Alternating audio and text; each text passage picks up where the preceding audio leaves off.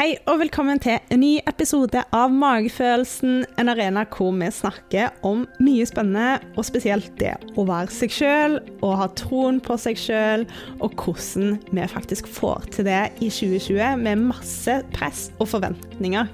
Og jeg intervjuer andre som jeg mener er supre rollemodeller og er kjempekule. I dag har jeg med meg Ingrid Brun fra Kompetensesenter for livsmestring og folkehelse.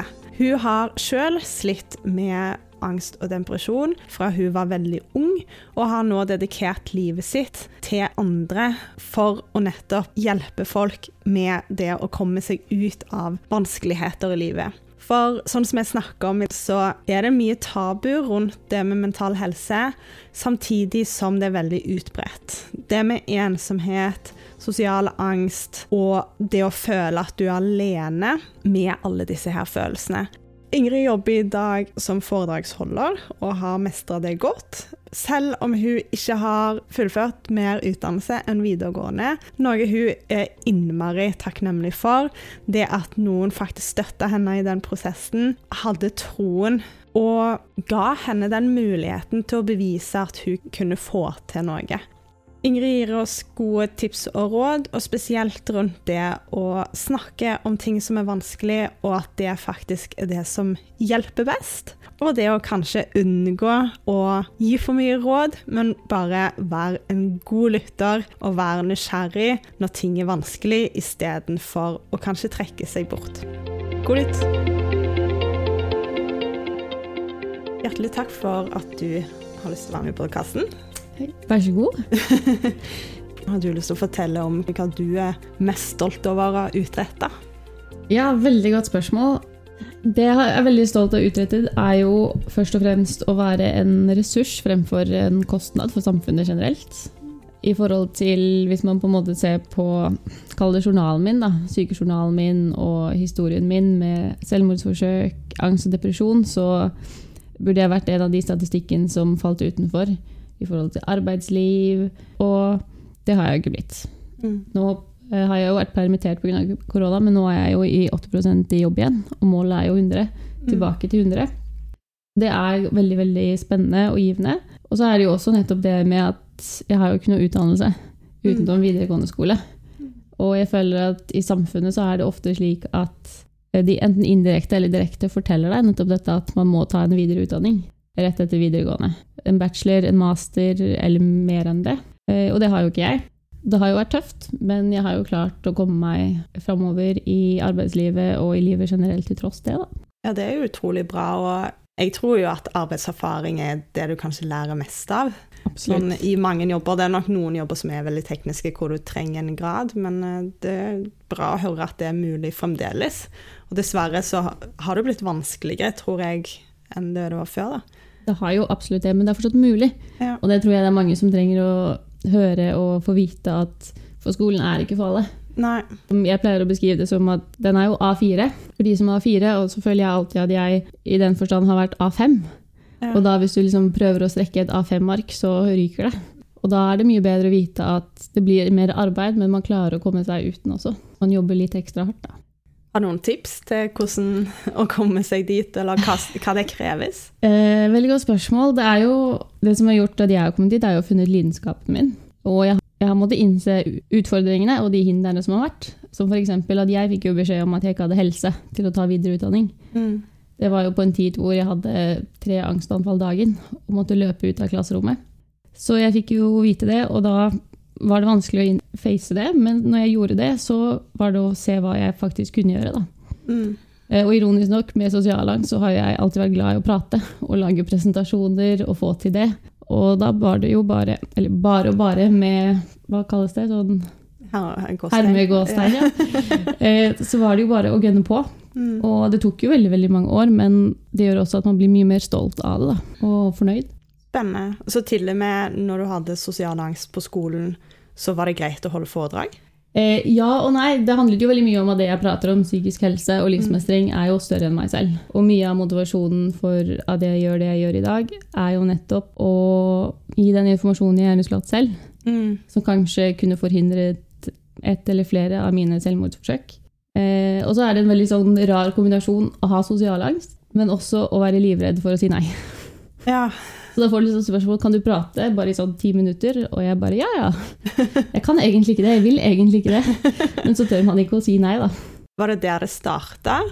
Liksom at du gikk inn i foredragsbransjen, holdt jeg på å si. Ja, egentlig det. Og så var det jo at jeg ville utfordre meg. Jeg ville prøve noe nytt, og, og så ville jeg også komme meg bort fra skolen. Ja. For det var i skoletiden. Ja, For du starta allerede som 18-åring og holde Ja. foredrag. Hvordan kommer du egentlig inn i den banen? Ja, det var eh, gjennom frivillige organisasjoner. Blant annet Mental Helse, som er en organisasjon for psykisk helse, og datterorganisasjonen Mental Helse og Ungdom, som er for, spesifikt for barn og unge. Da. Ja. Så du var engasjert der? Engasjert og frivillig, og de ble på en måte aldri kvitt meg. Når jeg først kom inn der, så ble de aldri kvitt meg. De har fortsatt ikke kvitt meg. Eh, og så fant de jo til slutt bare ut at ok, vi må jo bare ansette henne. Fordi vi blir ikke kvitt henne. Det er jo noe med det med engasjement, rett og slett. At eh, noen ganger at det kan trumfe så mye annet. Så når jeg har studert økonomi, Ja. og jeg tar nok mye med meg kompetansen fra studiene inn, og jeg har nok lært veldig mye fra den perioden, men jeg jobber jo med noe helt annet nå, som jeg virkelig, virkelig engasjerer meg for. Og da kjenner jeg jo hvor mye energi det gir, men òg hvor mye jeg har å gi til andre, da, og kreativiteten blomstrer, og jeg liksom finner veier og baner overalt, da. Ja, men Det er jo nettopp det, og det er jo fortsatt vanskelig, men man kommer så mye lenger, som du sier. Og det skal jo påpekes kanskje i det tilfellet at hvis jeg hadde hatt en A4-jobb, så hadde jeg ikke klart meg like bra. Jeg har jo også en ADHD-diagnose. som ADHD kjenner jo noen litt til, men det handler jo først og fremst om konsentrasjonsproblemer. Og ofte er det jo slik at uansett hvor mye vi vil konsentrere oss om noe, så må vi ha det engasjementet. da, Vi må brenne for det. Så jeg har jo vært på andre jobber som på en måte var drømmejobben. Jeg jobbet eh, som IT-sjef på to barneskoler eh, rett ut av videregående, og sånn sett så var det drømmejobben. Men så fem måneder inn så ble jeg sykemeldt for angst og depresjon fordi jeg traff veggen når jeg ikke likte det. da. Når jeg ikke klarte å gjøre den innsatsen.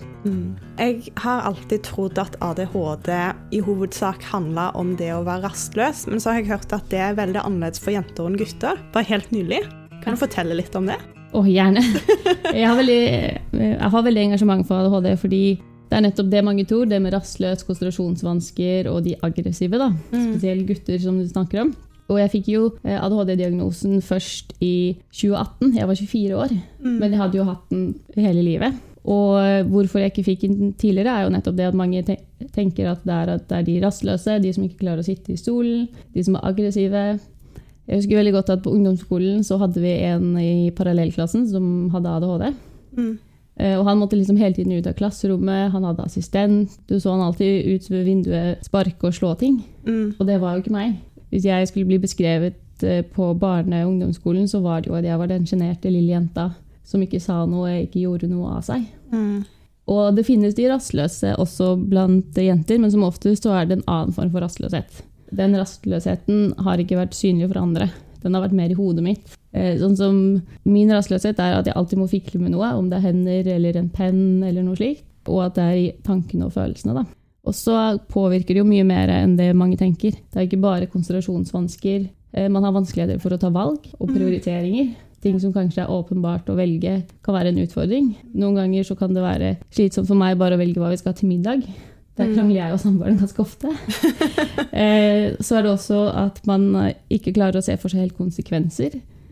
Mm. Eh, Man har jo en impulsivitet, eh, det er også veldig vanlig. Og det gjør jo at man kan gjøre veldig mye rart. Det er jo også noen av grunnene til at jeg har blitt foredragsholder, tror jeg. Den impulsiviteten og bare gjort det.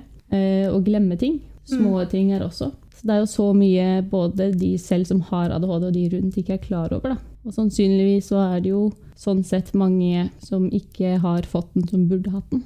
Så det påvirker rett og slett hjernen, da. Absolutt. Det man kan se på hjerneskanning og sånn, er jo at eh, man har jo den der eh, frontallappen, er det kanskje på norsk, ja, mellom øynene der, eh, som er foran i hodet. Og det er den som styrer organisering, tanker og følelser og alle disse tingene, og hukommelse. Og der ser man med de som har ADHD, at den får liksom ikke tilstrekkelig stimulering. Nei. Disse, nå snakker jeg bare engelsk, da, men de neurotransmitters Mm. de signalene som sendes fram og tilbake i de forskjellige stedene i hjernen, der ser man at den er et mye lavere nivå til den. Så det er det som skyldes eh, mye av det. da. Hva tror du er hovedårsakene til at du har endt opp der du er i dag? Det handler jo veldig mye om at jeg til slutt fikk den hjelpen jeg burde hatt for lenge, veldig lenge siden. Og det var som et vendepunkt i livet mitt. Jeg gikk fra å ikke ane noe om psykisk helse i det hele tatt, til å innse at uh, jeg har psykisk helse, alle har en psykisk helse, og min akkurat da var ganske dårlig. Og så begynte jeg å prøve å finne ut veldig mye av hvordan jeg fungerte. Og akseptere også det. Det er veldig viktig å akseptere det. Ikke minst så har det jo vært de rundt meg, og det å få hjelp av psykologer. For meg så har det vært viktig. Og så er det det å ha noen som tror på meg, og gitt meg mulighetene. da. Sånn som nå når jeg jobber som daglig leder og foredragsholder. Det er ikke alle som hadde gitt meg den muligheten. Det er jo fordi de kjente meg, og fordi de ga meg en sjanse til å bli en del av samfunnet og arbeidslivet. Ja, det er veldig viktig med mennesker som heier og klarer å se forbi alle disse boksene. At ja. det liksom du skal ha den og denne utdannelsen for å passe inn, eller for å gjøre en viss type jobb. Absolutt. Men til syvende og sist så handler det jo egentlig mest om person og ferdigheter og engasjement. Absolutt. Og at man klarer å se forbi diagnoser og de utfordringene der, da. Mm. Men så handler det jo også om at man da må tilpasse og prøve å være der. Jeg trenger jo kanskje i, fall i begynnelsen litt ekstra oppfølging, mm. men så skyter man. Og så er det jo Det jeg kanskje føler i begynnelsen, var jo at jeg fikk oppgaver som jeg kanskje ikke nødvendigvis hadde gjort meg fortjent til. Men det er jo gi, en måte å gi tillit og ansvar på. Mm. Og det er noe vi veldig trenger, for det er jo med på å gi mestringsfølelse. Og så da, når jeg ikke hadde gjort meg fortjent til den, så ville jeg jo veldig gjerne gjøre meg fortjent til den. Mm. Eh, og vise at det var riktig valg. Og da gjør man jo den ekstra innsatsen i tillegg, da. Ja, sant. Jeg tror det er veldig mange som kan slite med det å delegere bort arbeidsoppgaver til folk som du ikke helt vet bakgrunnen til. Ja. Men jeg jeg har hørt flere historier hvor de har ja, gitt oppgaver til folk som ikke kvalifiserte i det hele tatt, og så syns de er, er så innmari gøy å få den muligheten. At de har jo levert langt over forventa og det kanskje noen andre hadde gjort. Absolutt, og det er jo det man også merker generelt eh, med de som kanskje har litt ekstra utfordringer i samfunnet er jo det at de gjerne, når de får slike muligheter, de gjør en veldig ekstra jobb. Mm. Og jobber veldig veldig hardt og får mye glede av det. Mye større glede av de, de tingene. Men så, også generelt i samfunnet. Så er det mm. også gjerne dessverre at uh, de med psykiske vansker jobber ekstra hardt for å måte være som alle andre. Mm. For å holde følge. Og det er også det jeg merker jeg ser tilbake på med ADHD-diagnosen. At jeg klarte å komme meg gjennom videregående skole, men det krevde så vanvittig mye mer av meg enn det gjorde for folk flest. Mm. Det var jo angstanfall tre ganger dagen, sitte fire timer for å klare å gjøre noe på PC-en. Så eh, jeg har klart meg, men det har kostet. Ja, det er jo kanskje litt farlig, det å pushe folk for hardt, og, og hvordan vi pusher oss sjøl hardt. da. Fordi at Hvis du sliter mentalt, og det kommer selvfølgelig an på hva lidelse du har, da, men hvis du blir redd for å ikke være bra nok, f.eks., ja. at du da ender opp med å slite deg halvt i hjel og tenke at arbeidet du gjør, faktisk ikke er like bra som alle andre sitt, og så blir du perfeksjonist. Så det er en balanse der, da. Perfeksjonist og flink pike-syndromet er det nok veldig mange som har, da. Mm. Og det koster jo mer enn man tenker, og man bruker så mye mer energi, som du sier. Mm. Og der er det jo viktig med eh, åpenhet og forventningsavklaring. Mm. Det tror jeg generelt ofte er det, men at man snakker om hva man faktisk forventer. Eh, og det er jo også, igjen med ADHD, da, er jo kjent at de tenker litt utenfor boksen. Mm. Eller ofte, som jeg pleier å si, at man ikke vet at det finnes en boks. eh, og det har jeg lagt merke til bare nå de siste månedene, at når jeg eller arbeidsgiver og jeg og samarbeidspartner ikke har hatt en ordentlig forventningsavklaring, så eh, blir jeg veldig stressa. Det blir mye mer stressende for meg å gjøre ting, for jeg vet ikke hva jeg må leve etter. Mm. Og så leverer jeg alltid veldig mye bedre enn det de forventer. Mm. Men for meg så tror jeg alltid at det er dårlig. Ja. Jeg har mye høyere forventninger enn det folk har. Derfor er jeg veldig nøye på å ha forventningsavklaring, for da kan jeg få en mer behagelig og mindre stressende reise på det. Da. Og så kan jeg være kreativ innenfor de rammene jeg vet jeg har. Og jeg tror nok det gjelder veldig mange mennesker. Det kan godt være at det er mer tilfelle for folk som har ADHD, men det å gi rammer, og det Ja. å ha liksom en tidsfrist For de sier jo det f.eks. med barn òg. Hvis du Ja. gir de uendelig mange muligheter, så klarer de ikke å ta et valg fordi at de blir stressa. Det blir overveldende. Og jeg tror det er mange som ikke tør å spørre hva er det du forventer, og innen når. Så blir folk litt sånn stressa, men hvis du faktisk bare er sånn OK, haster det?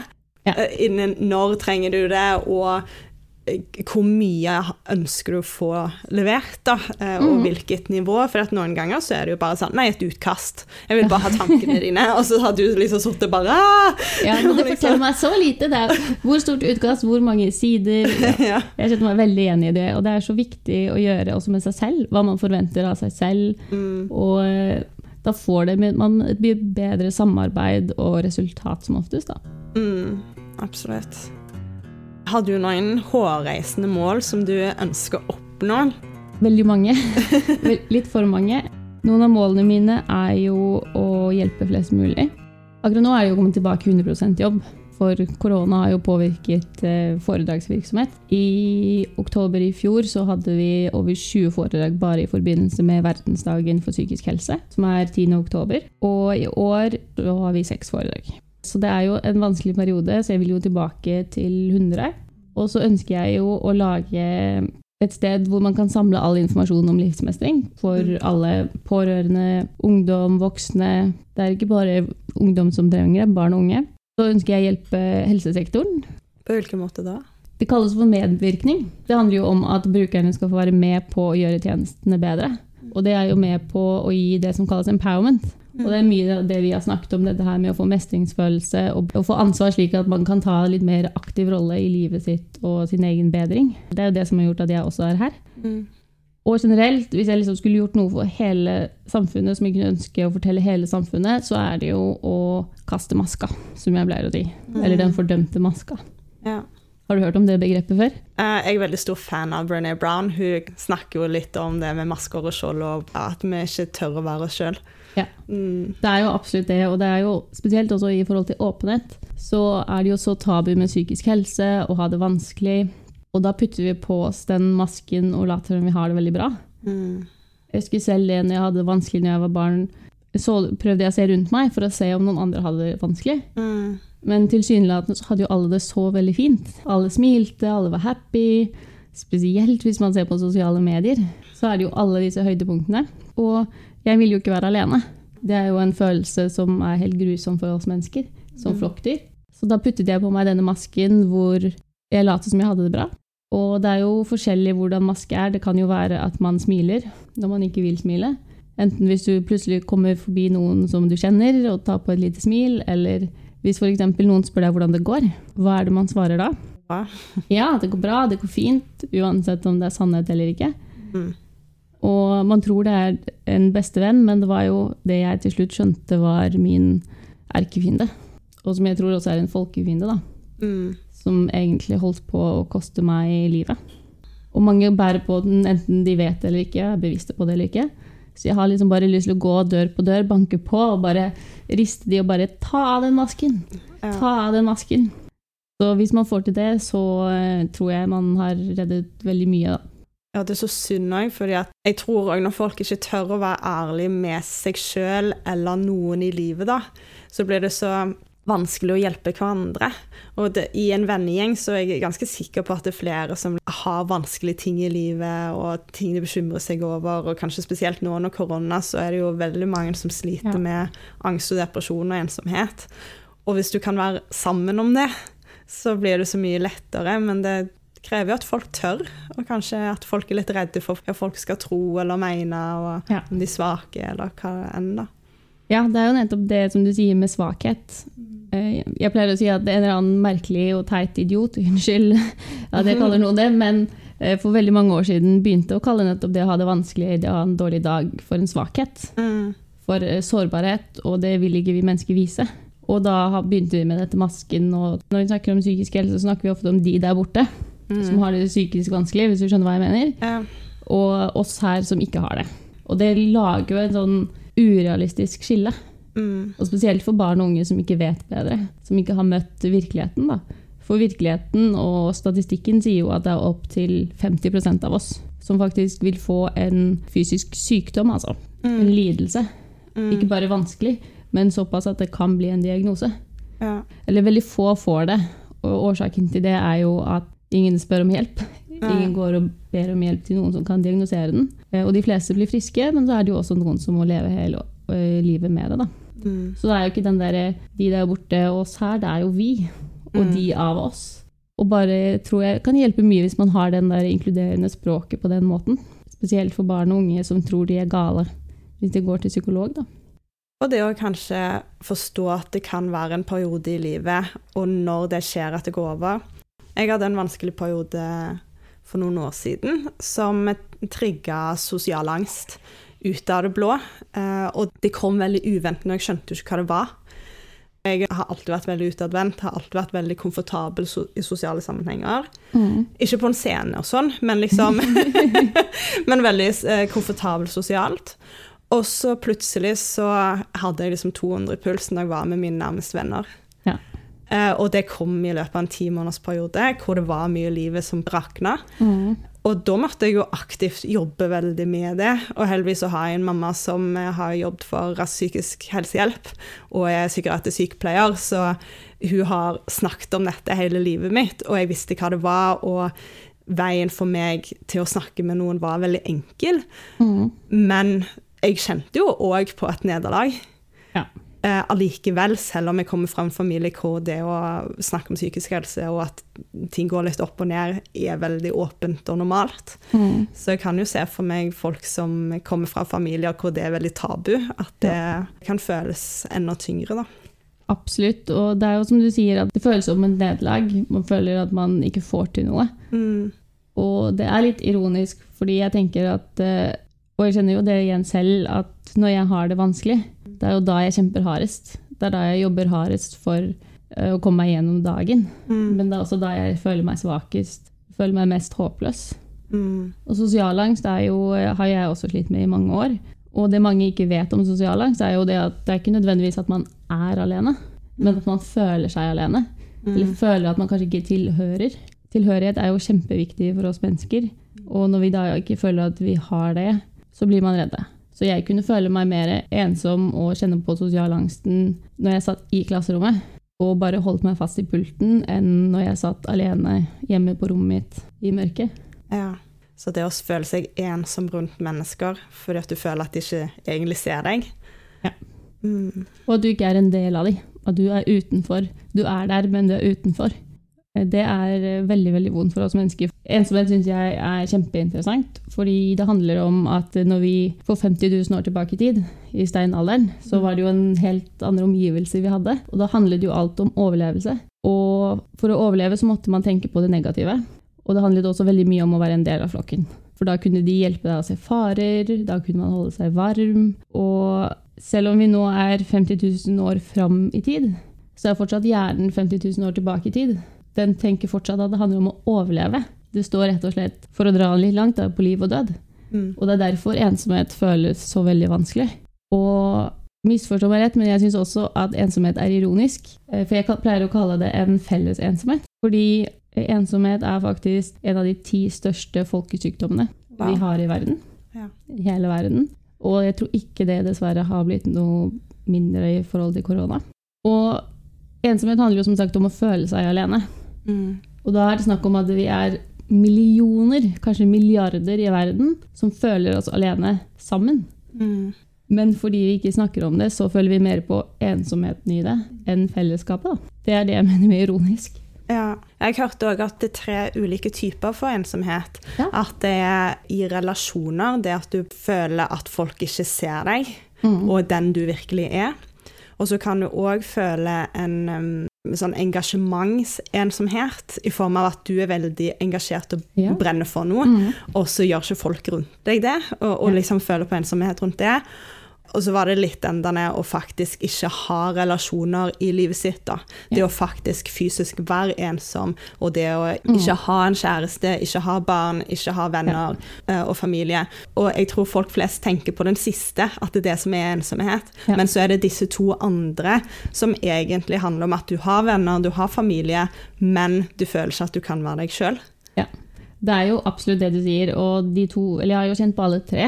Mm. Og den med relasjoner er jo noe mange kjenner på. Og det er som du sier, at det handler ikke nødvendigvis om å være alene. Men mm. man føler seg alene i relasjoner. Mm. Man kan være sammen med noen og fortsatt føle seg ensom. Jeg har jo følt meg som det sorte fåret i familien, i samfunnet, i klasserommet i veldig, veldig mange år. Og følt som det utskuddet. Og jeg, det, når du snakker om engasjement, så kjenner jeg veldig igjen i det i forhold til psykisk helse. Mm. Jeg har det engasjementet noen ganger for stort. Eh, og så er det jo ikke alle som engang har innsett at alle har psykisk helse. Mm. Jeg hører fortsatt i dag at 'Å, men jeg har jo ikke noe psykisk helse'. Og da kjenner jeg det engasjementet og den der ah, Kan dere ikke bare forstå det? Ja. Og det stemmer nok veldig bra. Var det en årsak til at du følte deg på den måten som et sånn sort får? Ja, det er veldig interessant når du sier det, fordi det handlet jo mye om at jeg hadde jo veldig vanskelig. Det var ikke det at eh, omgivelsene mine sånn sett, og barndommen utenfra så veldig bra ut, men så var det jo dette her indre kaoset. Mm. Indre uroen og rastløsheten jeg alltid har kjent på. Og så så jeg ikke at andre hadde det. Og da holdt jo jeg masken. Og jeg skjønte jo ikke at alle andre gjorde det også. Jeg trodde jeg var den eneste som hadde maske. Mm. Den eneste som ikke klarte livet. Og det tror jeg også er med på å bygge at flere har denne her eh, ensomheten i relasjoner. For når man holder en maske, så blir jo ingen kjent med deg. Nei. Man blir kjent med masken. Man kommer Mm. liksom ikke i det siste laget. Og da er det ingen som kjenner deg eller ser deg som du er, da. Det har jeg kjent på veldig mange år. Og jeg husker veldig godt at når jeg kom til psykologene i 2012, da ble jeg jo tvangssendt, og jeg hadde ikke noe valg. Så husker jeg de sa at uh, hvis jeg fortsetter sånn som dette her, så dør jeg. Misforstå meg rett, men det er litt ironisk å si en med selvmordstanker. Ja. Yes, du lo. Det er ikke alle som ler. Humor innen psykisk helse er spesielt. Men tanken min med humor også er jo at hvis jeg klarer å le og spøke litt, så klarer iallfall folk å prate om det. Mm. Men jeg har holdt foredrag for 120 stykker hvor det var helt stille når jeg kom med slike spøker. Det de mente med det, var jo nettopp dette her med den sosiale masken som jeg hadde gått i alle år uten å vite det. Den holdt på å koste meg livet. Enda jeg trodde det var den som holdt meg i livet. Jeg trodde det var den som gjorde at jeg kunne være med folk. Så var det den som holdt på å gjøre at jeg ikke orket mer, maktet mer. Og det var først når jeg tok den av, hvor jeg skjønte hvor mye det hadde kostet meg å bære. Da, hvor tung den var, sånn Mm. metaforisk sett. Ja. Og det er det mange ikke skjønner, at det er vanskelig å fjerne den. Absolutt. Det er mye lettere sagt enn gjort. Men det vil gjøre det mye, mye bedre. Og jo vanskeligere det er, jo viktigere er det, da. Du lar kanskje folk hjelpe deg, og altså, folk kan jo ikke hjelpe hvis du ikke er ærlig, men det er vel kanskje det at du er litt redd for å bli skuffa eller redd for reaksjoner, men mm. egentlig så kan det jo kanskje ikke bli verre. Nei. Og så er det jo ofte slik at vi er jo, som du sier, vi er redd for avvisning. Mm. Det er jo med det jeg snakket om med steinalderen, at vi tenker at det handler om overlevelse. Men så er det jo slik at vi er redd for at vi skal være plagsomme, at folk ikke vil hjelpe, at de vil avvise oss og kanskje gå sin vei. Men så hvis man tenker på det, hva man selv ville gjort hvis det var sine nærmeste venner, da, så ville man jo aldri gjort eller tenkt det i det hele tatt. Man ville jo vært så glad. Og så av en eller annen merkelig grunn så tenker vi at en selv er et unntak. Mm. Og nei, nei, men de vil tenke at jeg er en pest og plage. Jeg husker første gangen jeg snakket med bestevenninna mi om hvordan jeg hadde det. Da tenkte jo jeg at for det første at hun, jeg var helt alene. Alle vennene mine hadde jo tilsynelatende veldig bra. Og hun ble først veldig sur på meg. Eh, Men så sa hun jo 'Hvorfor har du ikke sagt noe tidligere?' Mm. Det var derfor hun ble sur. Og jeg klarte jo ikke helt å svare på det spørsmålet. For det gir jo ikke mening i ettertid, da. Hvorfor man ikke skal være åpen. Mm.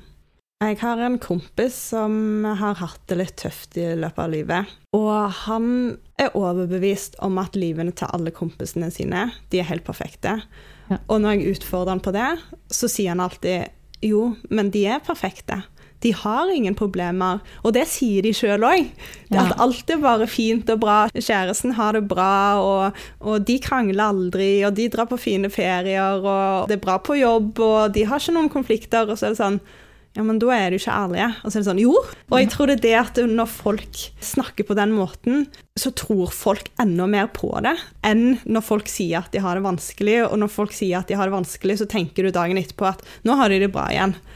Men det er jo ikke sånn det nødvendigvis er. Det er sånn at eh, folk flest har liksom eh, noen oppturer og nedturer og bare løper en uke, liksom. Ja, livet er jo en berg-og-dal-bane. Mm. Det er, som jeg pleier å si, det er vanlig å ha det vanskelig, men det betyr fortsatt ikke at det kan være kjipt. Det er, det er litt sånn som Brené Brown snakker om dette her med empati og sympati.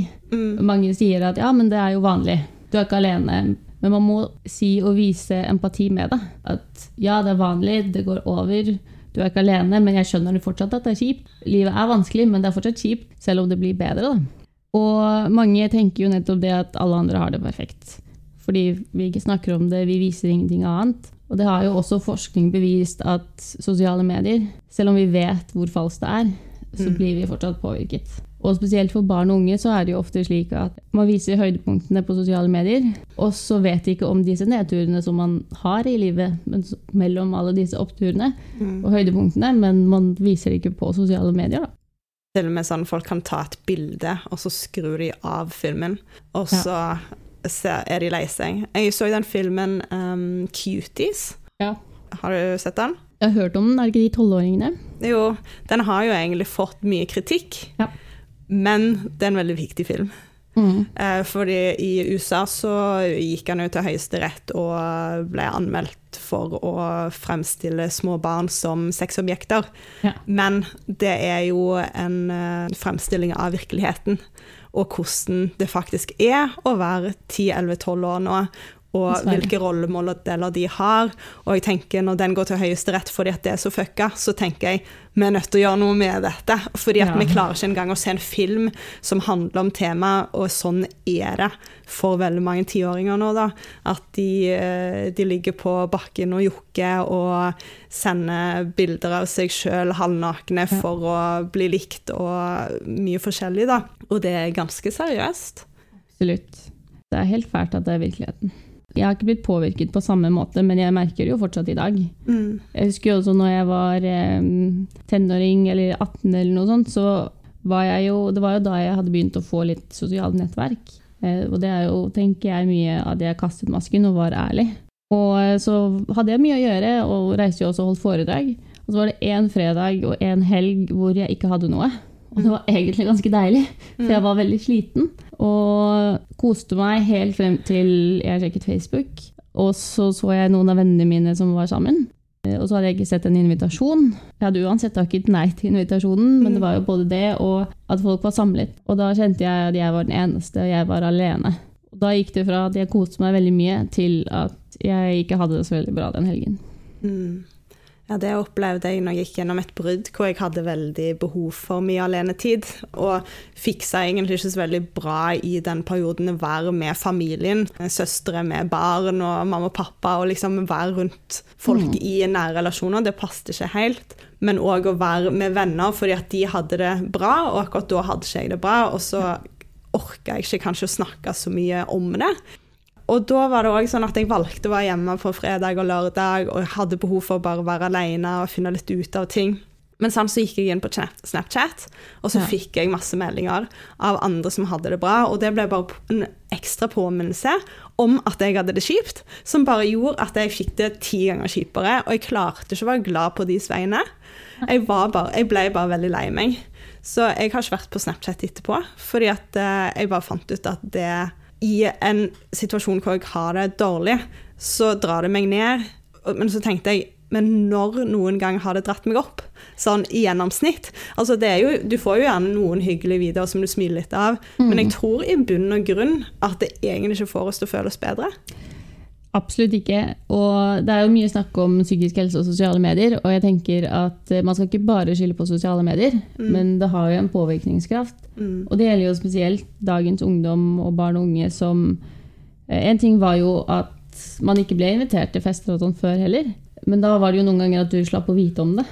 Mens nå er det at du ikke bare vet den mandagen etterpå, du vet allerede den samme dagen. Så Ja. ser du liksom snaps av de som henger sammen, og så blir det snakkisen på mandag også. Så det gjør jo at du blir påvirket. og Samtidig så tenker jeg at man ikke skal gi hele skylden på sosiale medier. Det skjer på sosiale medier, men det handler jo også om at det er vi som deler det. Det er vi som deler disse høydepunktene. og jeg husker veldig godt at det var noe som jeg snakket om når jeg ble sykemeldt for angst og depresjon i 2016-2017. Så eh, husker jeg veldig godt at jeg hadde kommet fra legen. Det var tredje gangen jeg fikk sykemelding med angst og depresjon på. Og jeg hadde egentlig håpet å bli friskmeldt. Og så gikk jeg ut og måtte bare liksom lufte meg og begynte å grine. Mm. Og så tok jeg bilde. Da hadde jeg Snapchat, jeg har ikke den nå lenger. Da tok jeg bilde av utsikten. Det var veldig mørkt, men det var liksom litt fint og litt lys. Og, og så holdt jeg på å skrive sånn eh, til alle vennene mine sånn kveldstur. Mm. Og sånn hjerteøyne-emojier. Ja. Og så holdt jeg på å sende den til alle vennene mine. Men så tenkte jeg bare sånn, hvem er det jeg egentlig prøver å lure? Om de, og jeg tror jeg prøvde å lure både meg selv og de. Mm. Så det jeg endte opp med, var jo å istedenfor poste den på Facebook, men også skrive liksom at dette her var det jeg ville vise frem. Men sannheten er at jeg har vært sykemeldt for angst og depresjon i flere måneder. At jeg nettopp fikk en ny en, og at jeg bokstavelig talt grein. Så jeg nesten ikke kunne se hva jeg skrev. Eh, og at jeg skrev at jeg ønsket å poste dette for å vise at livet ikke er perfekt, og håper at noen flere kan fortelle meg og andre at man ikke er alene, og at jeg ikke er den eneste som uh, sitter på Netflix helt til den spør meg om jeg fortsatt ser. Det har skjedd litt for mange ganger Ja. mens jeg har iskremen i hånda. Da. Og på slike poster har jeg aldri fått mer respons. Både på kommentarer og sånn, men ikke minst private meldinger. Så folk ikke vil vise andre. Da. Og det forteller jo hva man egentlig vil ha. Vi tror alltid at vi vil være perfekte selv, og at vi vil at andre skal oppfatte oss som perfekte. Men så setter vi veldig pris på når vi får et pusterom fra denne perfeksjonismen. Når noen viser det ærlige, da. Men man trenger ofte det forbildet, da. Du trenger noen som går foran og tør. Det er veldig modig. Ja, det er jo det å være den som bryter den onde sirkel. Mm. Med disse maskene og ensomheten. At når man bare ser at man ikke er alene, så er det en veldig god start. For noen er det jo ikke alt som må til, men det er en veldig god start for mange. Mm. Jeg har fått veldig mange meldinger av kjente som har fortalt om ting som har vært vanskelig. Og det føles veldig fint å kunne inspirere folk til å innrømme for seg sjøl at de faktisk har det vanskelig, og prøve å finne veien ut av det. For det Ja. første steget er jo faktisk å innrømme for seg sjøl at i dag har jeg det kjipt, og sånn har det vært en stund. Absolutt. Og det er jo nettopp det du sier med å være forbilde. Og når folk spør om det egentlig hjelper så mye, dette med åpenhet og kommunikasjon, så forteller jeg ofte om hvor mange som kommer til meg etter et foredrag. Og jeg kunne ønske at jeg aldri trengte å holde foredrag. Mm. At jeg en dag kommer på scenen og forteller min historie, og så er folk bare sånn Ja, men dette snakker vi om hver dag. Ja. Og så blir jeg nesten buet ut. Men det er jo nettopp dette her med at eh, hver gang jeg holder, og så holder jeg jo personlige foredrag og snakker jo om alt fra selvmordsforsøkene mine og slikt. Og da har jeg jo helt fremmede som enten har bare hørt på meg i 10 minutter, 45 minutter, en time, og så kommer de til meg etterpå og forteller om de mest personlige og private ting. da. Jeg er kjempebeæret og ydmyk over det, men det viser også hvor sårt mange trenger det. Og her ser de en åpning til å fjerne maska og slippe den lite grann, Mm. og da bruker de den. Så tenk hvor effektivt det hadde vært hvis det var kjente som gjorde det. Mm. Og det trenger ikke nødvendigvis å være slik at man går ut med hele livshistorien sin, men at man svarer litt ærlig på hvordan går det. Man bare sier at det har gått bedre. Mm.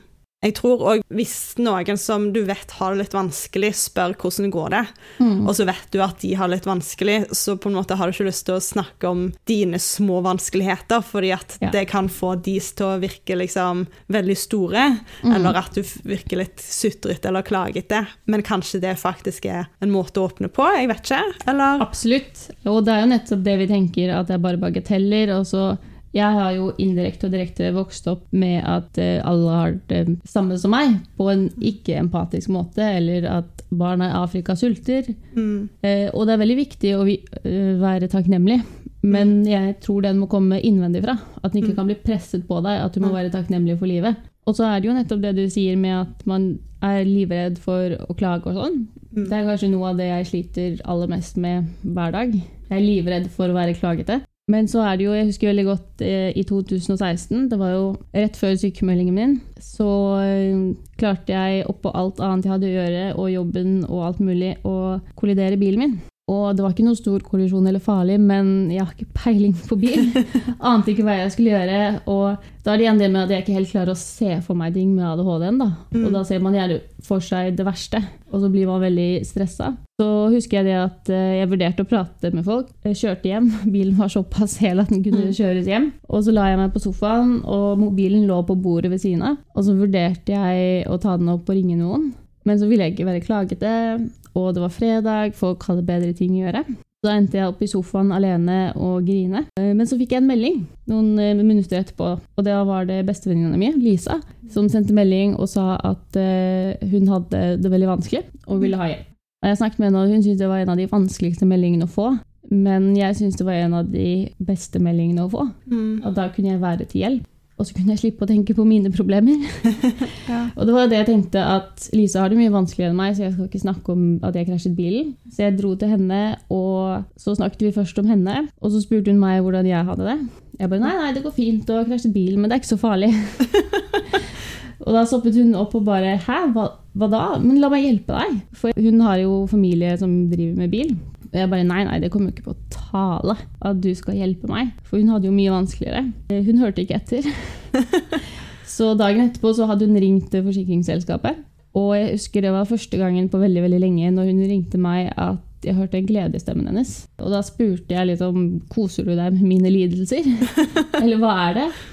Og da sa hun jo det at nei, jeg koser meg med å hjelpe deg. Og da får jeg noe annet å tenke på. Og jeg og mange andre har alltid villet hjelpe deg, Ingrid, men du har liksom aldri sluppet oss inn. Og det er litt sånn som du sa tidligere, at man må be noen ganger om en hånd for å få den tilbake. Da. Og da skjønte jeg at noen ganger så kan det faktisk være til hjelp, uansett om det er bagateller i hermegås, når andre har det vanskelig. Da. Ja, og sånn som jeg hørte fra Katrine Spås på siste intervju, at det er to ting som eh, virkelig folk nevner gjør de lykkelige, og det er nære relasjoner, og det å kunne hjelpe, eller liksom ha en betydningsfull jobb. Og det å kunne hjelpe venner føles jo veldig betydningsfullt. Det er jo veldig takknemlig, og det gir jo en god følelse. Og sikkert når folk har det vanskelig, og da at ja, de kan hjelpe noen andre føle at de faktisk utgjør en forskjell, da. Ja, ja. Jeg har eh, lest meg litt opp på lykke. Og mange tenker jo at det handler mye om det materialistiske. Mm. Men der er det jo tre måter man definerer lykke, og det er jo eh, bl.a. tanker og følelser og mer det genetiske. Og så er det å være i sånn det man kaller flow-sone. Være engasjert og jobbe for noe bra. Og så er det det å hjelpe andre. Mm. Og de gjorde undersøkelser. To grupper, forskjellige grupper skulle lage en bra dag for seg selv, og den andre skulle lage en bra dag for andre. Og begge fikk en veldig fin effekt der og da, men de som hjalp andre, hadde den effekten mye lenger enn den første gruppa som bare hjalp seg selv. Da. Så det er en av de beste måtene å både hjelpe andre og seg selv samtidig. It's two in one. Det er jo kjempefascinerende. Du har nevnt litt om det hvordan å hjelpe andre som har det vanskelig. Har du noen flere konkrete tips? Når du er pårørende som ser at noen har det vanskelig, men sånn som du, sånn jeg hørte det var bestemoren din som kanskje forsto at du Ja. ikke hadde det så bra, men så ville ikke du være ærlig og turte ikke å åpne deg. Har du noen tips til hva som kunne ha hjulpet i den situasjonen? Eh, Absolutt. Eh, Mormor var jo en av de personene som alltid spurte hvordan går det, hvordan har du det, og hun brydde seg jo. Jeg Mm. opplever jo ofte at det kanskje kan stilles som en høflighet, Mm. men hun brydde seg oppriktig av svaret, men jeg svarte jo fortsatt ikke ærlig. Og det ble jo for sent når jeg endelig hadde lyst til å gjøre det. Men det jeg setter veldig pris på fortsatt, som er en av de trøstene jeg har med det, er jo for det første at hun alltid spurte. Selv om jeg svarte med en hvit løgn, så spurte hun alltid. Og hun svarte også alltid at hun er der, da. Hvis det skulle være noe for meg eller andre. Og, så da vet jeg jo at hvis jeg hadde klart å svare henne ærlig, og det er jo litt på min kappe, og jeg var jo ikke klar, Mm. så ville hun vært der. Mm. Og det tror jeg er veldig viktig for mange foreldre og andre pårørende å bare si at de er der. Og ikke ta det for gitt at folk vet det. Minne Mm. de på det. Og så er det jo at eh, det er jo verdensdagen for psykisk helse nå i oktober. Eh, Årets tema er å spørre mer. Men jeg tenker at det hjelper ikke at man spør mer hvordan går det hvis man ikke bryr seg om svaret. Hvis man stiller av høflighet fremfor kjærlighet da, og omsorg. Men når du først bryr deg, så kan det hjelpe mye med å spørre en gang til. Hvordan går det sånn egentlig? Fordi vi, akkurat som vi ofte svarer, eller spør spørsmålet automatisk, så svarer vi automatisk. Ja. Det går bra, det går fint, jeg gjør det fortsatt, og jobber med det. Men hvis du da får spørsmålet en, en gang til, så får du liksom en indirekte bekreftelse på at det ikke er bare høflighet. Og da må du faktisk ha litt stilling til det, da, som man ofte ikke gjør. Jeg er egentlig veldig komfortabel. Jeg var ikke komfortabel med å snakke om ting som er vanskelig. Jeg måtte oppleve vanskelige ting sjøl for å Mm. på en måte forstå at det er noe det går an å snakke om og være ærlig om. Ja. Men jeg merker fremdeles at jeg kan føle meg påtrengende. Og litt sånn som jeg fortalte Mm. før vi starta i dag, at eh, jeg fikk en kommentar om at jeg ikke måtte dytte eh, mentale lidelser på folk og anta at folk har det vanskelig. Litt relatert til at jeg lager denne podkasten. Mm. Mens jeg vet jo eh, med meg sjøl og min omgangskrets, og jeg leser mye om det, at det er veldig mange som har litt sånn hemmelige mentale lidelser, da, eller bare at de har det vanskelig med seg sjøl. Jeg kan fremdeles synes det er vanskelig når jeg forstår at folk har det litt tøft, Mm. men de ikke klarer å åpne seg. Ja. Og den å på en måte nå fram. For uh, sånn som du sa, du, du var ikke klar. Mm. Men er det noen som kunne gjort at du hadde blitt klar før? Godt spørsmål. Jeg tror det handler om at uh, man er litt åpen selv. Starter litt selv. Og være det forbildet og vise realiteten for mange. Da. Så handler det jo også om at man må akseptere det litt selv. Og at, forstå at det ikke er så tabu som man tror. Det er nettopp det som gjør at man verken aksepterer det overfor seg selv eller andre. Mm. Det handler jo også veldig mye om mottakelsen. Dette med empati, sympati. Og at når man da snakker om det, så snakker man om det på en normaliserende måte. Og eh, ofte så er det mange som Og jeg har jo merket det selv noen ganger når venner har hatt det vanskelig, så har jeg så lyst til å gi dem råd og tips og hjelpe dem. Og det er jo veldig godt ment. Ja. Men så vet jeg jo selv at eh, jeg blir veldig irritert på kjæresten når han gjør det samme med meg. Når jeg bare trenger å liksom få det ut og prate. Ja. Jeg trenger bare at noen lytter. Ja. Det er jo det menneskelige behovet vi har for å bli sett og hørt. Jeg Mm. trenger ikke disse rådene. og det er noe som jeg tror mange som hjelper andre, eh, må være bevisst på. Ja. At noen ganger så trenger man bare å få ting ut og bli hørt. Og mer behov for å bli sett og bli anerkjent for at eh, de har det vanskelig. Det er jo også noe jeg sliter med fordi jeg hele tiden har blitt fortalt at jeg ikke har grunn til å ha det vanskelig, folk har det verre. Så er det jo det at jeg ikke tillater meg selv å ha det. Å legge på en sekundær negativ følelse. Det gjør mennesker ofte, er sånn, vi tror at følelser er matte. Minus og minus blir pluss. Mm. Men det blir jo ikke det. Det blir jo bare verre. Så da er det jo at man må akseptere det, og i møte med de være åpne om at eh, man ikke trenger å gi tips, men si at man skjønner det. Det er forståelig. Eller at man ikke forstår det. Hvis man har opplevd, eller hvis venner har opplevd noe helt utenkelig, og noe man ikke kan forestille seg, så er det helt ærlig og bra å si det også. At jeg vet faktisk ikke hva du føler, hva du går gjennom, men jeg er her. Og i verste fall så er det også bare å spørre hva man kan gjøre. Og si at når de skulle ha det vanskelig, så er du der, da. Eller kanskje ha en samtale med en venn enn å bli rådgiver. Jeg tror det er veldig, Ja. og jeg kjenner meg så igjen at når du har satt deg inn i temaer òg og har Mm. opplevd noe sjøl eller kjenner noen Ja. andre, så har du lyst til å hjelpe på den måten og gi råd, men kanskje de heller er nødt til å spørre om råd.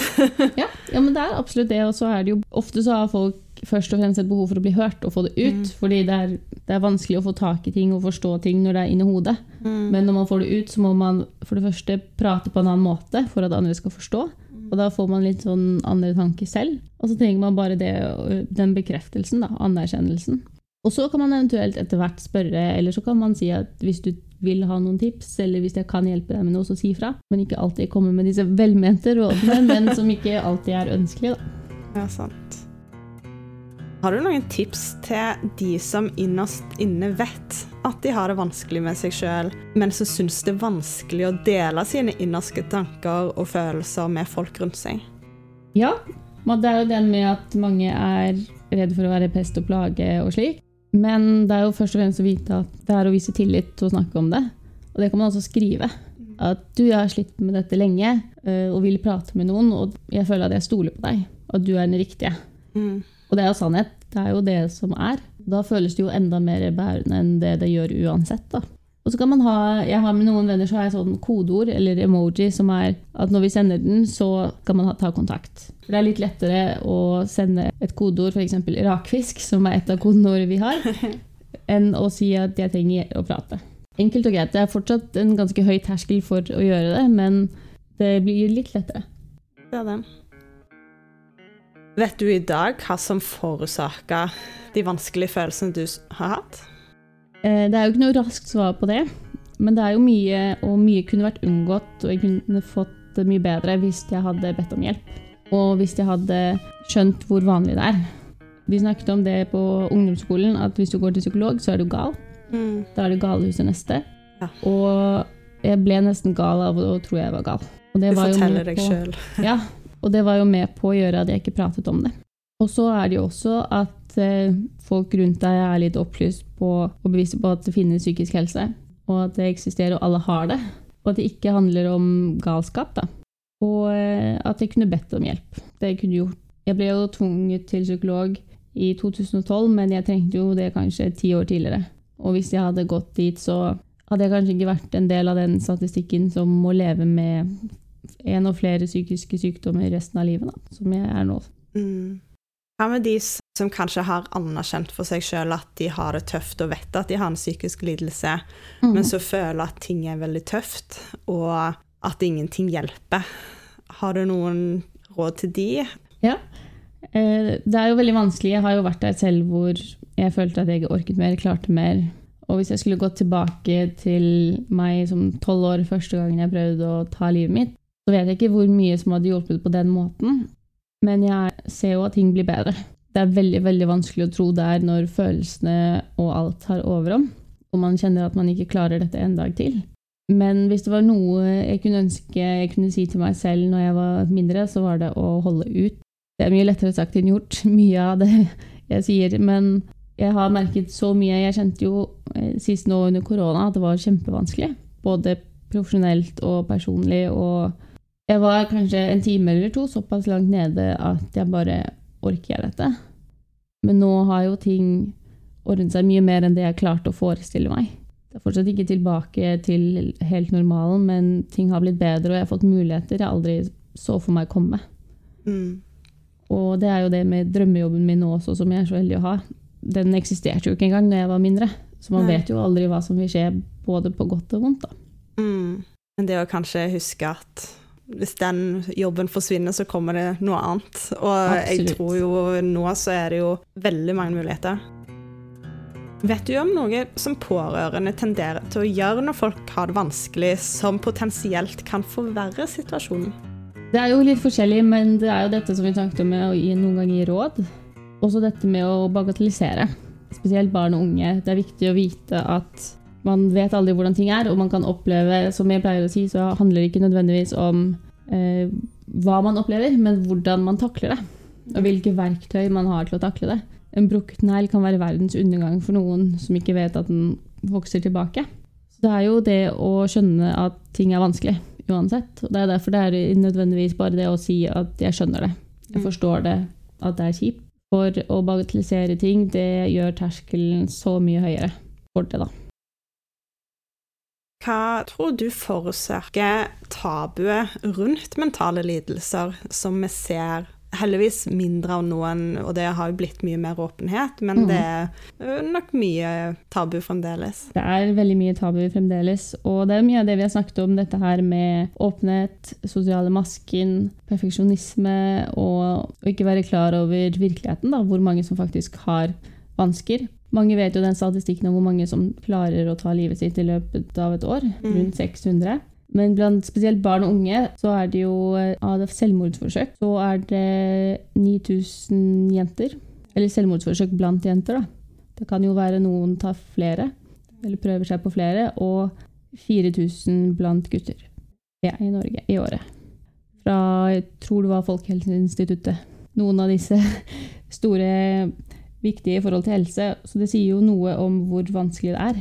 Det gjelder jo også dessverre voksne.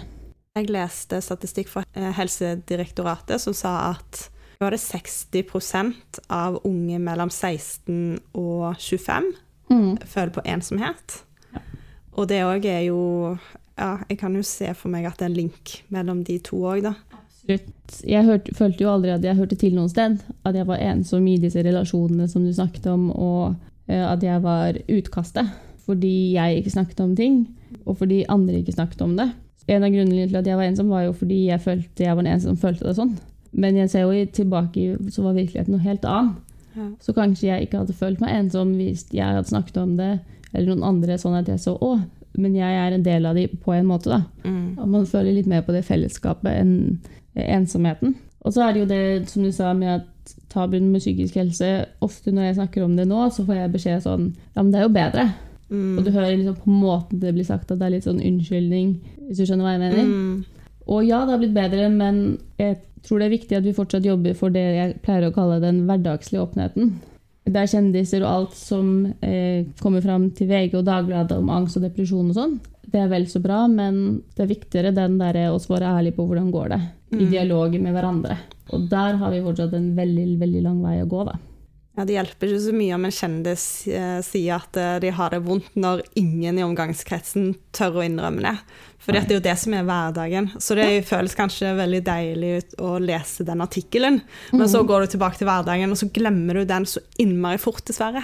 Ja, så er det jo ofte at man liksom ikke kan relatere på samme måte. Spesielt barn og unge. At de føler jo aldri at de kan bli en kjendis. Det er, kjendis er på en måte ikke mennesker i den forstand, med hermegåstegn igjen. Det er jo sånn at de er en egen status litt høyere enn mennesker. Så derfor er det ikke like relaterbart.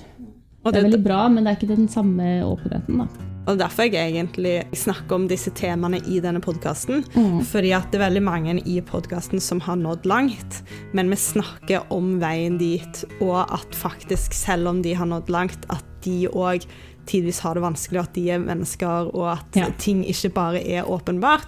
Og det at faktisk mye handler om usikkerhet rundt det å liksom være seg sjøl, Mm. egne verdier, følge magefølelsen, men når du gjør det og Det òg handler om åpenhet. Å følge magefølelsen og følge egne verdier handler om åpenhet, og det å på en måte bare Her er jeg, dette er meg. Ja. bare take it. Um, men det handler jo òg om å faktisk være ærlig om det som er vanskelig, og, og søke hjelp fra andre, da. Ja, og så er det jo nettopp det som du sier med å fortelle folk at virkeligheten er at livet er opp og ned.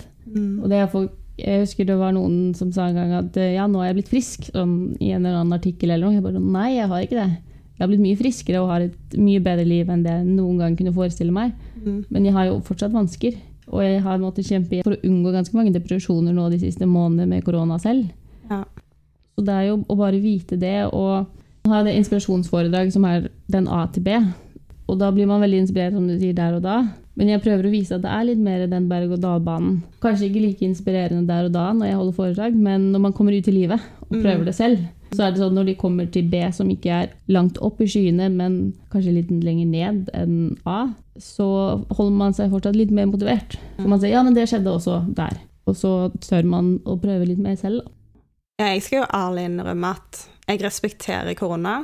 Jeg respekterer eh, at de er nødt til å begrense oss, men jeg er så redd for hvor mange som sitter mye alene, og folk som har det vanskelig i sine forhold. Det er ikke bærekraftig det å sitte på hjemmekontor og ikke møte mennesker på den måten. Og én ting er folk som har familier, men det kan jo eh, gå hardt utover familien og barna og alle relasjonene der, og folk som ikke føler egentlig at de får være seg sjøl. Hvis du f.eks. har barn, da, så plutselig får du ikke lov til å være et menneske, eller du får ikke lov til å være mer enn bare en mamma. Men òg de som er single, som egentlig kun sitter alene nå, da. Mm. Og så kanskje har venner som er i relasjoner som da har isolert seg og ikke tar vare på de. Ja, folk som sitter på gamlehjem og Nei, det er ikke bra. Nei, og korona, som sagt, all respekt for smittevern og alt dette, men jeg er veldig eh, spent på godt og vondt på hvordan dette vil påvirke psykisk. Ikke nødvendigvis i stor grad, men hvordan det vil påvirke i liten grad. da. Mm. Og eh, sånn som dette med klemming. Veldig forståelse for at man ikke kan klemme, men det er jo basert på forskning at man, det er bra for den psykiske helsen. Ja. Dette med fysisk kontakt er veldig, veldig viktig. Og barn som ikke vokser opp med det i like stor grad nå, ensomme og generelt mennesker som ikke får det i like stor grad, det kommer nok til å ha sin virkning. Jeg husker når jeg var singel, så hadde jeg noen venner som var innmari flinke til å gi gode klemmer. Sånn bamseklemmer som de holdt litt sånn ukomfortabelt lenge. Og så har jeg eh, tantebarn òg. De er jo veldig oppå deg og holder Ja. rundt. Og det er så deilig sånn etterpå at du kjenner liksom at det gir en sånn ro. Og nå har jeg en kjæreste som er kjempeflink til å gi klemmer. Men jeg tror at det kunne vært egentlig veldig tøft for meg nå hvis jeg hadde vært singel og ikke få det. Og ja, akkurat nå er jeg veldig takknemlig for at jeg har det i livet, da. Så nesten sånn at uh, single skulle få lov til å ha liksom en dedikert eh, klemmevenn. Ja, i Ja- Japan, iallfall før korona, så var det jo at man kunne betale for å bare ha noen å klemme med. ja. Ikke noe annet, ikke noe prostitusjon, bare klemming. Jeg har hørt jeg vet ikke helt om det er i Japan, men at du kan ligge i skje med noen. Ja, det er sikkert Japan. Det Men- skulle ikke forundre meg. Nei. Og det er jo disse som du sier, panseklemmene, de som varer ukomfortabelt lenge, som er de som er bra. da. Og det gir jo stoffer vi trenger i kroppen, og ja, det er viktig, altså. Mm. Hva kan vi som enkeltpersoner gjøre for å bli kvitt tabuene? Det er jo denne åpenheten, kaste masken, og som sagt, en veldig god start er jo å bare svare ærlig. Og spørre en gang til, og bry seg. Det redder kanskje ikke verden, men det gjør terskelen veldig mye lavere, og viser at du er der. Og snakke åpent om det. Og jeg har jo fortsatt ungdommer som kommer til meg og kjenner at de føler de er gale. Sånn som denne historien jeg snakket om. Eller går du til psykolog, så er du gal. Mm. Jeg har fortsatt ungdommer som kommer gråtende til meg og sier det samme. Og bare det å vite at de ikke er gale, at man ikke er alene, at eh, det blir bedre, Mm. og det er lov å be om hjelp. Jeg tenker jo det eh, Forskjellen på hva det ville gjort for tolvårige meg hvis jeg hadde hørt f.eks.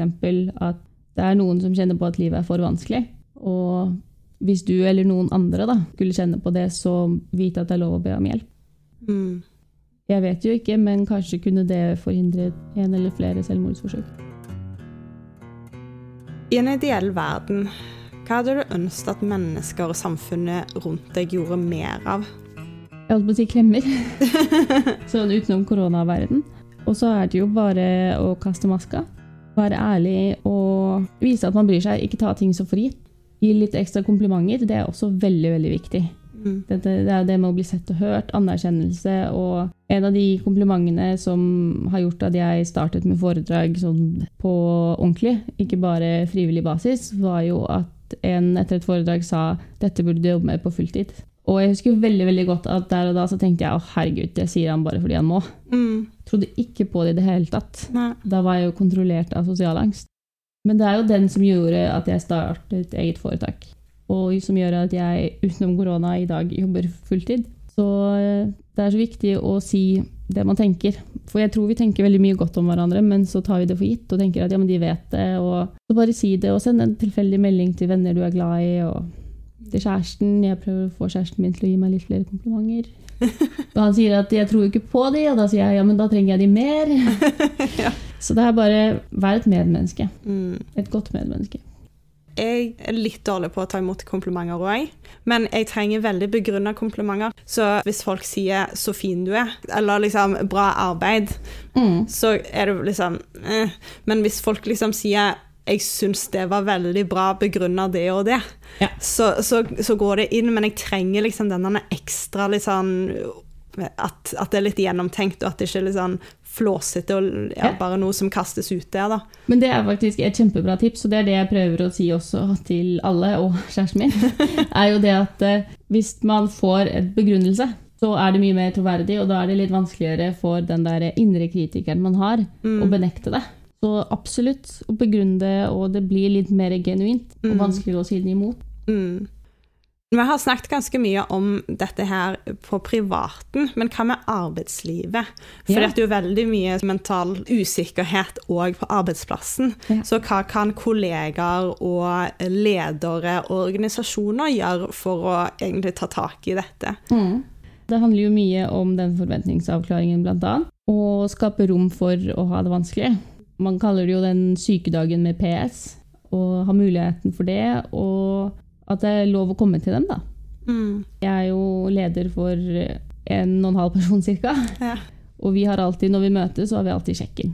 Hvor man skal fortelle hva, hvordan det går, hva som eventuelt kan påvirke. Og sammen med sjekk ut, da. Og der kan man velge hvor mye man åpner seg. Men da har man den muligheten til å si fra. Og da får jeg som leder mulighet til å tilpasse og gjøre noe. Men da må jeg også som leder gjerne dele enda mer for å være det forbildet og vise at det er rom for det. Da. Og så er det jo å følge opp og ha rom for psykisk helse. For psykisk helse på arbeidsplassen er kjemperelevant. Og spørre hva man kan gjøre for at det skal gjøres bedre. Jeg var på yoga-retreat hvor vi daglig hadde en sånn mental weather forecast. Ja! Hvor egentlig alle skulle sitte ned og snakke litt om det siste døgnet, hvordan de hadde det akkurat der og da, og hva følelsen var for det som skulle skje. Ja. Jeg husker når jeg var der, så tenkte jeg at dette er noe som burde iallfall være mer vanlig kanskje i sosiale sammenhenger, Absolutt. men òg kanskje i jobbsammenheng, for å bli litt sånn kvitt press og, og usikkerhet på arbeidsplassen. Da. Absolutt, og det kan jo være veldig veldig vanskelig, eller det er veldig veldig vanskelig. Men når du sa eh, weather forecast, så er det jo en annen ting jeg har hørt om, er jo at istedenfor at man sier hvordan man har det, Mm. så bruker man en metafor og sier hvordan været er i forhold til hvordan man føler seg. Ja. Nei, det er litt grått i dag, det regner. Det er sånn som disse kodeordene, sånn, det er litt lettere å si enn at de har det vanskelig. Det er en dårlig dag, så kan man si liksom, nei, det er litt regn og overskyet. Det er en måte også å starte på. Da. Ja, sant. Kunne du fortalt litt om folk som har depresjon, sosial angst, hvordan det føles for de personene? Og fordi at, sånn som du sier, så er det mange som går med masker. Men hva ligger under de maskene av tanker, følelser, eh, handlingsmønster? Ja, jeg kan prøve. Det er jo forskjellig, vi er jo individuelle, men Mm. det, eh, depresjon handler jo ofte om også det med stoffer i kroppen og i hjernen, at man ikke får nok av de, og at det er vanskelig å kjenne på glede. At man gjerne føler på veldig triste, ubehagelige, negative. Og at man ofte pleier noen å beskrive depresjon som at man er fokusert på fortiden og er lei seg for det som har skjedd, mens angst er å være redd for det som kommer til å skje for fremtiden. Og eh, for meg så var depresjon en sånn tunnel hvor jeg ikke så enden av den. Jeg fikk jo ofte beskjed om at jeg bare tenk positivt, men jeg visste ikke helt hvordan, og klarte ikke å se det. Det er jo forskjellige typer angst. Du har jo sosial angstlidelse, du har generell angst og slikt. Og sosial angstlidelse er jo en sterkere versjon av sosial angst, som er ulike ting, da. Og det er jo som sagt å kan være redd for medmennesker. Og jeg husker veldig godt at når, hvis jeg hørte noen le, så var jeg bombesikker på at de lo av meg. Og derfor trivdes jeg jo ofte mer alene. For da var jeg ikke redd for hva alle andre skulle tenke. Da er man ofte litt mer ute og veldig på hva andre skal tenke. Tenker det verste, at, eller at andre tenker det verste om deg. Da. Mm. Det kan farge veldig mye av hverdagen og av realiteten. Det er jo fortsatt en subjektiv virkelighet og sannhet. Man skal aldri si 'ja, men sånn var det ikke'. For det er alltid sånn man føler det. Det er aldri feil på den måten. Så har du jo generell angstlidelse, som er litt mer at man kan være redd for det mer hverdagslige. Eh, Første gangen siste året på videregående vi hørte ordet eksamen, så fikk jeg panikkanfall. Da var det bare plutselig rett ut. For da klarte jeg ikke å takle det og redd som virker veldig rart, men som man ikke klarer å få grep på. Da. Det er jo forskjellig for alle. Hvordan er egentlig et panikkanfall? Det er jo også forskjellig, men for meg så føles det ut som jeg ikke fikk puste. Noen blir som frosser helt til, mens for meg så var det jo ofte at jeg må løpe ut. Hele kroppen min fortalte meg at eh, jeg må komme meg bort. Det handler om liv og død. Mm. Fortalte på en måte ikke hva eller hvorfor, men det var liksom alle instinkter i kroppen sa løp. Det var jo rett før jeg kom til psykologene, var jo at jeg endte barbeint i snøen i en halvtime før jeg klarte å roe meg. Og det er bare liksom rene instinkter som er der. Og fornuft der og da finnes jo ikke. Så da bare reiste du deg opp og løp, liksom? Ja. For å bare komme ut av situasjonen. Og da var det jo noen ganger folk prøvde å si sånn Ja, men det er jo ikke noe redd å væ- være redd for. Mm. Og det er litt sånn Jeg pleier da å si at eh, jeg, man vet egentlig det, også i den situasjonen. Men hvis du forestiller deg Nå er jo vi i Oslo, og da følelsene som sier at du dør, for å ta det sånn, da, er her i Oslo. Og så er logikken, som du vet eksisterer, kanskje i Lillestrøm. Mm. Du vet at det er du ser det, men følelsene er mye nærmere. Da. Det er de du relaterer til og klarer å ta fatt på. Da. Du sa òg at noen fryser. Det er jo litt sånn, Mennesker har jo enten den derre frys eller flykt. Det er jo det det handler om. Man ikke klarer å gjøre noen ting og bare må holde ligge. Jeg har jo trøstet venner som har bare ligget under bordet gråtende og ristende da, til de klarer å roe seg. Ja, det er et seriøst tema og veldig viktig. Det er veldig viktig Mm. arbeid du gjør, og utrolig bra at du har engasjert deg sånn for å hjelpe så mange andre. Jeg liker så. Jeg liker å avslutte med den pinligste situasjonen du har opplevd. Eh, jeg har jo mange. Det er jo f.eks. de første gangene jeg brukte humor med psykisk helse, og du har 120 i salen som ikke ler i det hele tatt. Det er helt stille. Men jeg tenkte også på en annen en hvor det var for mange år siden jeg var tenåring. Mm. Hadde kjæreste, og jeg sendte heldigvis ikke nakenbilder og sånt. Det har jeg aldri gjort. Takk Gud for det i dag. Men jeg sendte sånn kall det teaser av en tekst. da. Mm. Hvor jeg liksom skrev til, skulle skrive til kjæresten min at eh, jeg lå naken på verandaen og solte meg. Og så noen eh, minutter etterpå så fikk jeg melding fra pappa. Å ja, det er jo hyggelig spørsmålstegn. Og takk Gud for at det ikke var bilde. Jeg pratet ikke så mye med pappa den dagen. Og jeg tror det er så mange som har sendt sånne bilder til foreldre, spesielt Ja. sånn i tenåringsalderen, hvor du liksom chatta litt med en gutt, og så bare Nei. Og det er jeg veldig glad for at jeg ikke sendte nakenbilde, og derfor har jeg aldri sendt nakenbilde etter det heller. Lærte leksa. Uff. Det du nevnte med det med mental helse og humor, Mm. eh, det skal jeg ærlig innrømme at jeg noen ganger syns er vanskelig. Sånn Else Kåss Furuseth fokuserer jo mye på det. Ja. Men hun har en veldig tung historie. Du blir litt sånn slått av ærligheten òg, så jeg tror det er noen ganger at når folk kjenner veldig empati, Mm. og ikke er vant til å kjenne på den empatien de, Folk er ikke helt klar for det, rett og slett. Ja, ja, ja. Mm. Det er jo det er veldig gøy, fordi jeg er jo veldig klar over at folk ikke kommer til å le nå i dag, da, Mm. med den humoren, og det er jo på en måte et ekstra virkemiddel. Mm. Jeg er jo kjent for tørr humor, og spesielt på scenen. Og det morsomste er sånn, jeg blir ikke dag fornærmet eller lei meg eller noe som helst hvis ingen ler. Mm. Jeg er veldig komfortabel. Sånn awkward silence er jo ingenting for meg som foredragsholder. Men det verste er når f.eks. lærere eller foreldre i ettertid kommer og bare liksom føler synd på meg fordi ingen lo. Så de bare 'Ja, men du var morsom', altså. Og da kjenner jeg på at da er jeg kanskje ikke så morsom.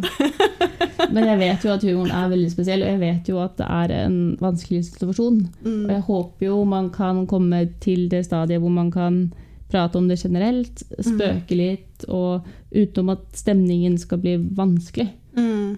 Jeg har det jo bare kjempebra nå mens vi snakker, selv om det er ganske alvorlige ting. Mm. Og det er jo det jeg håper vi kommer til, at man kan si at man har det skikkelig kjipt uten at stemningen blir litt rar og klein og ubehagelig. Da, Mm. da har man kommet veldig, veldig langt.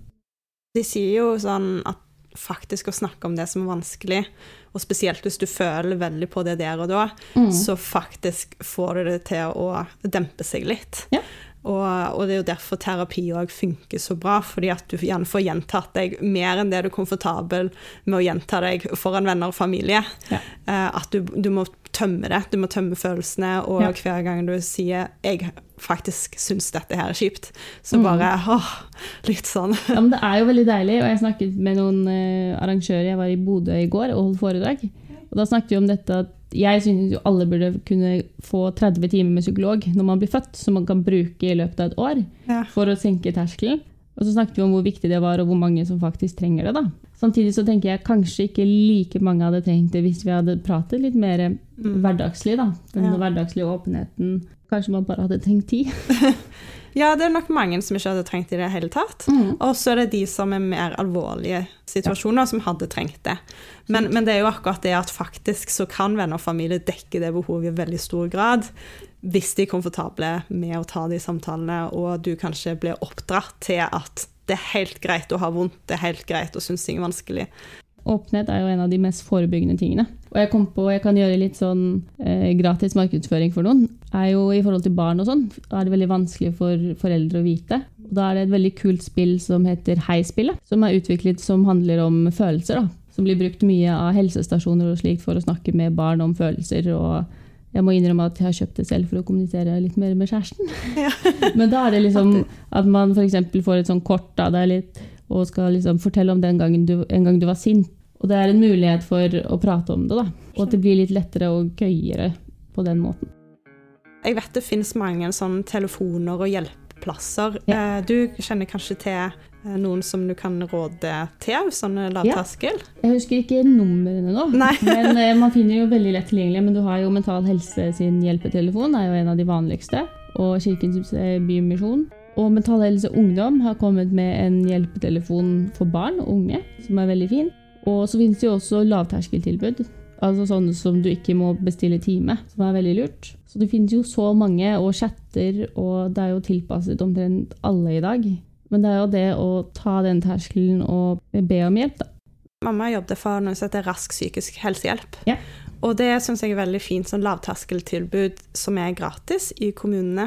Hvor Mm. du kan gå, og det er for folk som kanskje ikke føler at de har en mental lidelse, men som har det litt tungt. Ja. Eh, og det å snakke med noen sånn situasjon unngår jo nettopp at det kanskje går lengre. Absolutt. Det er viktig. Ta kontakt. Mm. Hjertelig takk for samtalen. Takk I likeså. Det var veldig gøy, misforstå meg rett. Gøy, interessant, spennende og ja, jeg tror det kommer til å nå fram til mange. Håper det. Jeg har tro på deg. Vi snakkes om en uke. Ha det. Hvis du liker podkasten min, så setter jeg kjempepris på stjerner på Apple Podcast, og at du følger podkasten, og at du selvfølgelig deler med andre som du tenker kunne trengt inspirasjon fra alle disse fantastiske damene, og kanskje etter hvert mennene som jeg intervjuer på podkasten. Island of the mind Between the dirt and the brush. You count all you got left. Sad to say, it's not much. She'd kill for a family Kill for a home. Anything to not be